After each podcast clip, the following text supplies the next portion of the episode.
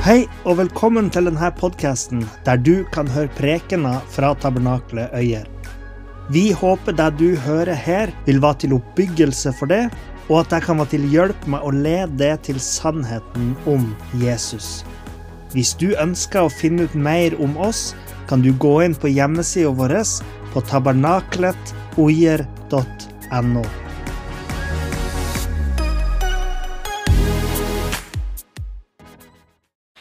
I dag fortsetter vi prekenserien om Frelsesveien, som handler om den kristne forståelsen av frelse. Og I dag så har vi kommet til en del som kanskje treffer de av dere som eh, allerede tror på Jesus litt mer enn kanskje dere andre. Men jeg tror at det fortsatt er relevant for det, sjøl om du setter litt på gjerdet med tanke på de her tingene. Spørsmålet vi skal se på i dag, er hva frelsen gjør med oss. Og som tidligere i denne serien så prøver jeg å gape over ganske mye på en gang. sånn at jeg får ikke sagt alt om hva frelsen gjør med oss. Så bare ha nåde med meg mens jeg forsøker å legge ut dette temaet. Når Jesus kalte disiplene sine, så sa han til dem, 'Følg meg'. De her ordene skulle vise og bety mye mer enn bare å rent fysisk gå etter Jesus. Det var et kall til å forlate det livet de levde, til fordel for å ta til seg Jesu undervisning og se på livet han levde. På den ene sida kan vi si at etterfølgelsen av Jesus begynner allerede når man bestemmer seg for å sjekke ut hvem Jesus egentlig er, og hva han har gjort. Det var jo noen som kalte seg disipler, men som slutta å følge Jesus. Det vil si at selv om de teknisk sett var etterfølgere av Jesus i en periode, så endte de med å vise som ikke sanne etterfølgere av Jesus. Dette skjer med mennesker i vår tid òg. Der noen kan oppleve seg støtt av det Jesus forsynte, eller de opplever det særdeles utfordrende.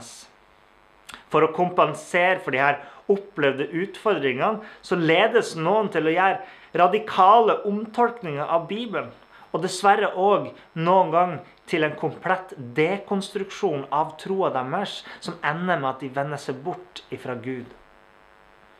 På den andre sida sier Jesus om sann etterfølgelse. Om noen vil følge etter meg, må han fornekte seg selv, ta opp sitt kors og følge meg. For den som vil berge sitt liv, skal miste det.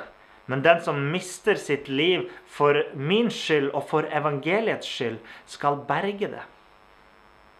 Det er lett å skjønne at dette oppleves utfordrende. Fordi dette er jo nærmest stikk motsatt av vår tids mantra om sjølrealisering ved at man skal omfavne oss sjøl og være oss sjøl 110 men hvis etterfølgelsen av Jesus skal ha noen verdi for oss, så må den ha noe annet for seg enn at vi bare skal bli bedre utgaver av oss sjøl.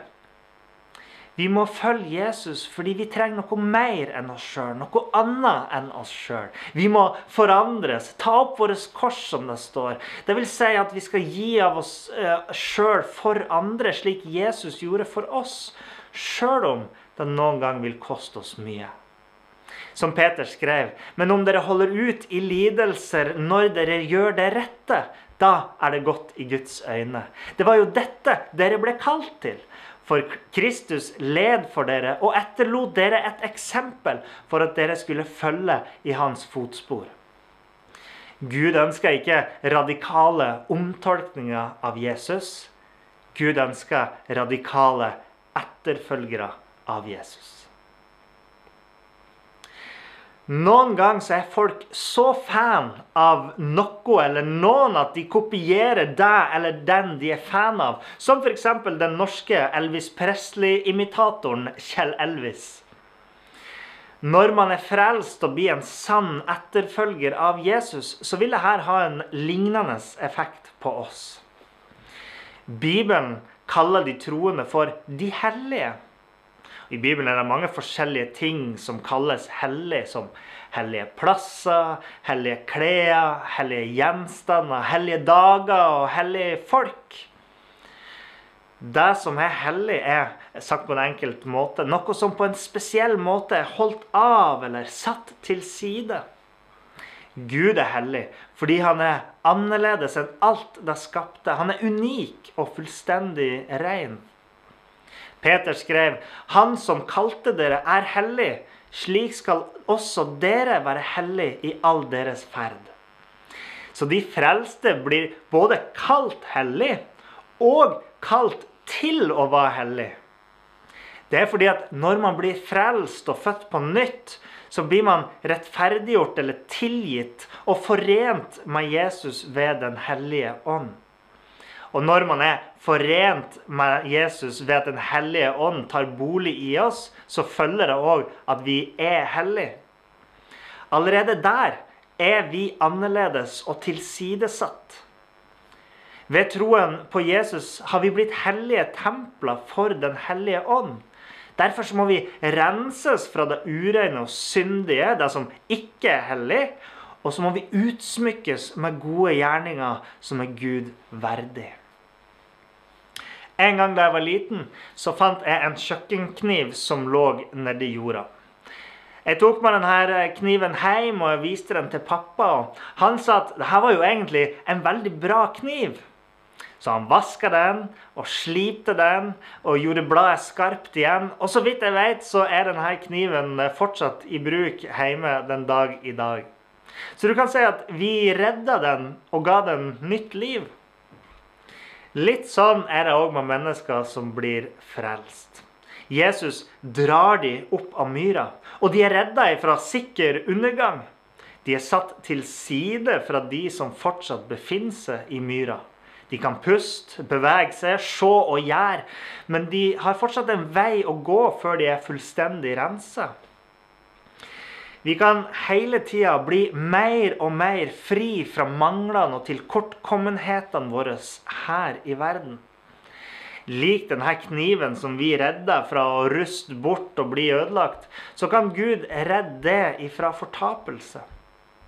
Da må du òg la han rense det, så du kan leve ut den hellige livet han har for deg. Når du er frelst, så lever du i Kristus. Du har fellesskap med han. Du er hellig. På den måten kan vi si at hellighet ikke er å prøve å etterligne Jesus på egen hånd, for det funker ikke. Men å leve et hellig liv er å gripe tak i sannheten om den vi allerede er i Jesus. Så tro på det, og lev deg ut. Vår renselse henger sammen med lydighet. Jesus døde for å bryte syndens makt over oss. Det betyr ikke bare at vi har blitt tilgitt for synder som vi tidligere har begått, men at i troen på Jesus så har Gud òg gjort det mulig for oss både å gjøre gode ting og å stå imot fristelser til å gjøre ondt. Derfor krever etterfølgelsen av Jesus lydighet. For Jesus sa, 'Hvis noen elsker meg, vil han holde mitt ord.' Og 'Dere er mine venner hvis dere gjør alt det jeg befaler dere.' Ved hver eneste fristelse til å synde som du møter, utfordres du til å være lydig mot Kristus. Dessverre er det for mange kristne som undervurderer viktigheten av lydighet. Kanskje har du vært borti noen av disse tankene før. Ingenting vi gjør, er godt nok for Gud, så hvorfor skal vi prøve? Jeg kan aldri leve et absolutt hellig liv, så da kan jeg heller bare leve som jeg gjør. Nåden dekker alle synder, så det er ikke så farlig. Å følge Guds ord er å være lovisk. Det handler bare om kjærlighet. De her og lignende utsagn fungerer som unnskyldninger for å ikke jobbe med vår lydighet til Jesus. Men vi må ikke glemme at vår lydighet gleder Gud ved hver, en, hver, eneste gang vi som er Guds barn, velger å gjøre noe godt, eller hver gang vi seirer over en fristelse, så gleder Gud seg over oss. Samtidig må vi òg huske at vi kan gjøre Den hellige ånd sorg, står det. Og dessuten, hvis vi tror at lydighet er fånyttes, så forkaster vi jo Guds nåde til å frelse oss fra våre syndige handlinger her og nå. Gud er virksom i oss til å hjelpe oss, og vi lever jo i Kristus. Og da må vi jo tro det. Det handler ikke om å være lovisk, for da ville jo sjøl det å være kjærlig mot mennesker vært lovisk. Fordi hele loven hviler jo på de her kjærlighetsbudene. Du skal elske. Vi er nødt til å forkaste denne mistilliten til det Gud kan gjøre i oss. Og ideen om at lydighet ikke er mulig, at det ikke er verdt det, at det ikke er bra for oss, og at det er lovisk. Og så må vi begynne å leve steg for steg, som at Den hellige ånd faktisk bor i oss, og tro at Gud gir oss styrke til å oppføre oss som Guds barn i verden. Vi må huske at Bibelen forteller oss ikke at vi skal sette stille og vente på at gode gjerninger bare strømmer ut av oss, uten at eh, vår egen vilje er involvert i det. Eller at så lenge vi bare har nok bønnemøter, så kommer ting til å skje av seg sjøl. Det nye testamentet sier at vi skal arbeide, kjempe, streve, jage og søke etter det gode Gud har lagt ferdig for oss. Og at vi skal flykte fra, stå imot og kjempe imot det onde. Frelsen skal ikke være passiviserende, men den skal være aktiviserende. Og muligheten til å gjøre det her er kun fordi vi lever ikke lenger sjøl, men Kristus lever i oss. Vi er ikke lydige for å bli frelst, men fordi vi er frelst. Lydighet til Jesus gjør at vi stiller oss sjøl til tjeneste for Han. Paulus skrev Bær kroppen fram som et levende og hellig offer til glede for Gud. Det skal være deres åndelige gudstjeneste. Å tjene Gud er ikke begrensa til å delta en time eller to hver søndag på det vi vanligvis omtaler som en gudstjeneste, men at hver enkelt troende gir seg sjøl helt og fullt til Gud. Det som er litt ironisk, er jo at eh, ved å tjene Gud, så ender vi ofte i praksis med å gjøre godt mot andre mennesker. Jesus befalte f.eks. at det vi har fått av Han, så skal vi gi det videre til andre. Ellers ville vi vært litt som en lege som bare skriver ut resept til seg sjøl. Troen kan altså ikke være privat. Vår tjeneste for Gud synliggjøres ved at vi imiterer Jesu forbilde. Jesus sa, 'Som jeg har elsket dere, skal dere elske hverandre.' Ved dette skal alle forstå at dere er mine disipler, at dere har kjærlighet til hverandre. Å elske andre som Jesus elsker oss, innebærer å elske sjøl våre fiender. Men vi kan aldri tjene Gud som han vil, bare i kraft av oss sjøl. Derfor har Jesus sendt Den hellige ånd til å sette oss i stand til å tjene Han. Dette er det som skiller tjenesten til nådens barn fra tjenesten til lovens barn. De som eh, bare følger en religiøs lov, de forsøker å tjene Gud i kraft av seg sjøl for å rettferdiggjøre seg sjøl, sånn at de sjøl kan tjene godt av det. Men nådens barn, altså vi som har blitt rettferdiggjort av Jesus, vet at vår tjeneste ikke er av oss sjøl, for oss sjøl, i kjærlighet til oss sjøl, men av Gud og for Gud, i kjærlighet til Gud og vår neste. Derfor trenger du ikke lenger å tjene Gud med sorg og smerte, sukk og stønn. Men du kan gå ut og tjene Gud med glede i kraft av Den hellige ånd som har blitt gitt til deg. Samtidig så er det du som må si ja til å stille deg til tjeneste for Gud. Og Gud gir deg ny nåde hver dag til å holde ut i tjenesten for Han. Kanskje lurer du på hvor du skal finne motivasjon til å leve et hellig liv. Hvorfor skal du være lydig i etterfølgelsen av Jesus, spesielt når det noen gang er så vanskelig? Det gir Bibelen oss mange grunner til. Og jeg tror at ved å lære om det her, så vil det gjøre din etterfølgelse lettere. La meg fortelle deg noen av disse grunnene. Du skal leve etter Jesu ord fordi du skal vise at du elsker Gud. Se for deg at du sier at du elsker ektefellen din, men du viser aldri kjærtegn. Du gir aldri noen kompliment. Du gir aldri av tida di og tar aldri del i ektefellen sine interesser.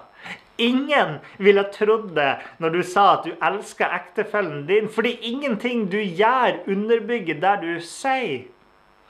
Men det er òg andre grunner til å holde Guds ord. Det er fordi du skal vise din takknemlighet til Gud. Fordi det ærer Han. Fordi det gleder Han. Fordi det gleder det. Fordi det er godt. Fordi det er rett. Fordi det er bra for det. Fordi det er din plikt. Fordi du ikke skal forkaste det arbeidet Gud gjør i det. Fordi det viser Jesus seier over døden. Fordi du skal få lønn i himmelen. Fordi du skal være et vitne til menneskene rundt deg. Fordi du er skapt til gode gjerninger. At Jesus frelser deg til lydighet, er ikke for å gjøre livet ditt vanskelig, men det er for å bevare det.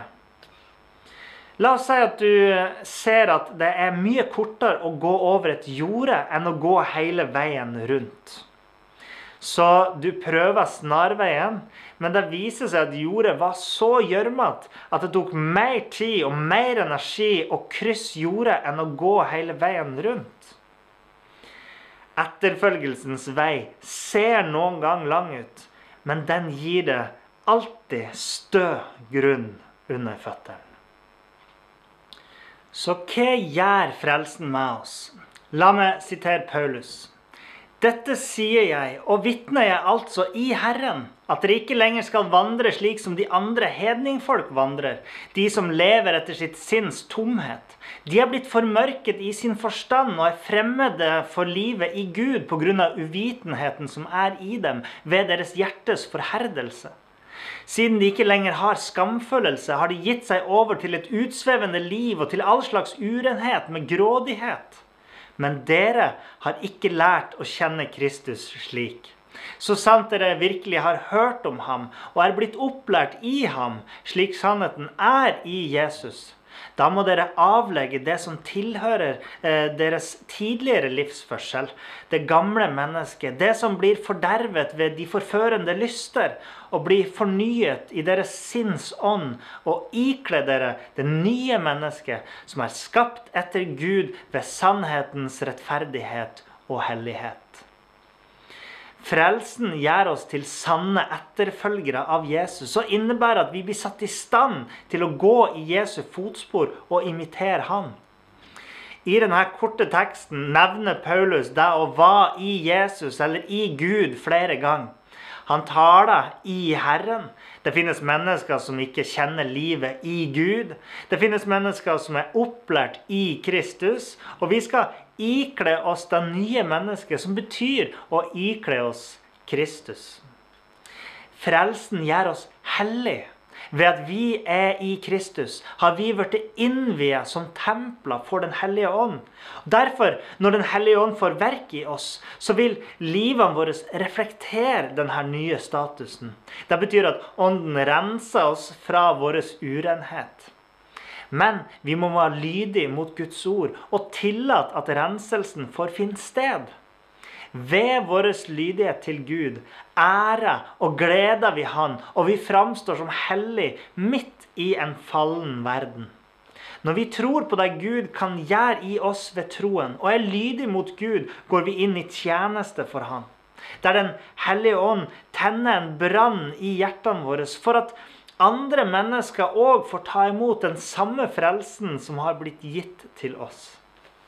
Jeg tror at man kanskje noen gang tenker på frelsen som noe som liksom bare skjedde da Jesus døde på korset, og som bare endra liksom vår objektive stilling overfor Gud.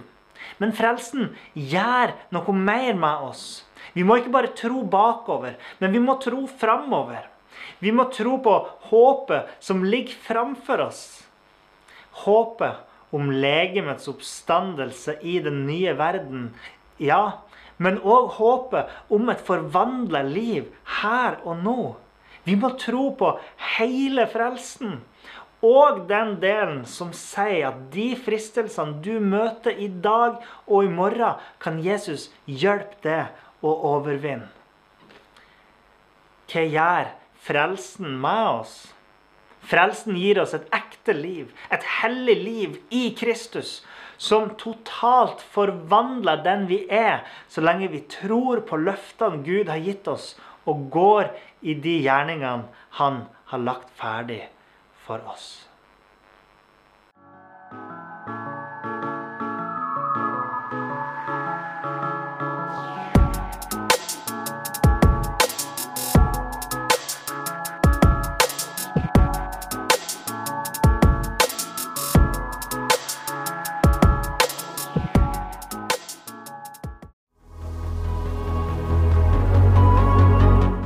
For at du hørte på.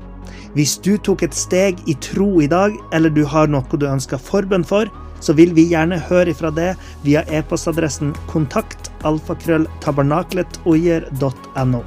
Du er òg velkommen til våre ukentlige gudstjenester i menighetslokalet i Haugskutua 5 26 36 Øyer.